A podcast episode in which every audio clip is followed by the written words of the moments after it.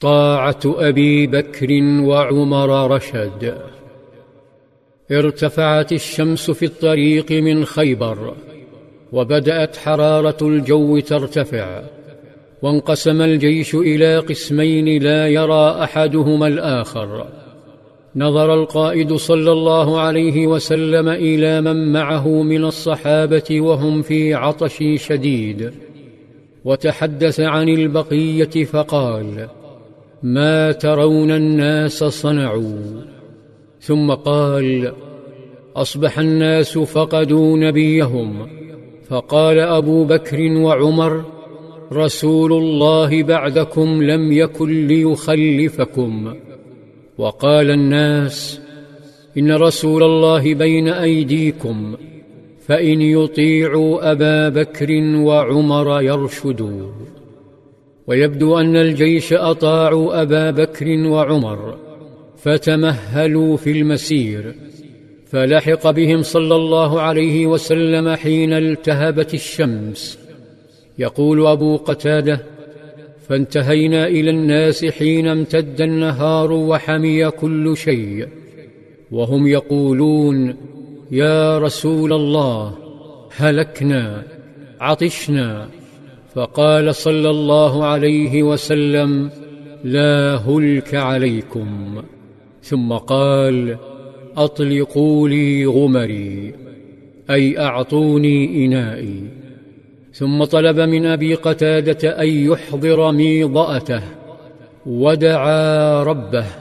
ثم جعل القائد يصب من الميضأة في الإناء وأبو قتادة يسقيهم. تأمل الصحابة الميضاه فأدركوا أنها لن تكفيهم فتزاحموا وتكابوا عليها. فقال صلى الله عليه وسلم أحسنوا الملأ أي الخلق والعشرة كلكم سيروى. أيقن الجند بمعجزة ستحدث فانتظموا وفعلوا ما أمرهم به نبيهم. فسقاهم حتى قال أبو قتادة حتى ما بقي غيري وغير رسول الله. ثم صب رسول الله فقال لاشرب. فقلت لا أشرب حتى تشرب يا رسول الله. فقال إن ساقي القوم آخرهم شربا. شرب أبو قتادة. ثم شرب قائد الدولة صلى الله عليه وسلم بعد أن ارتوى شعبه وجنده في مشهد عسكري لا تعرفه الأمم.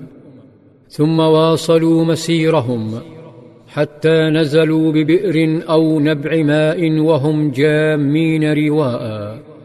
نزل الجيش وعسكر واستراح بقية اليوم.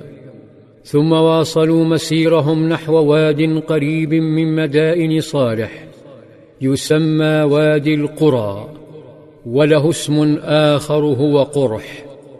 كان واديا مليئا بالحدائق والنخيل واليهود والذكريات. ففي هذا الوادي تم اقتياد سلمان الفارسي عبدا بعدما سرق خاطفوه بقراته. وباعوه على أحد اليهود فظل عنده حتى اشتراه منه يهودي من بني قريظة. وصل الجيش فلم يجد مقاومة من يهود. ونزل القائد صلى الله عليه وسلم ونزل خادم له اسمه مدعم. فتوجه مدعم نحو ناقة النبي صلى الله عليه وسلم ومد يديه نحو الرحل الذي يجلس عليه صلى الله عليه وسلم فحل رباطه وإذا به يفاجأ بأزيز سهم طائش يتجه نحوه فينغرز في جسده.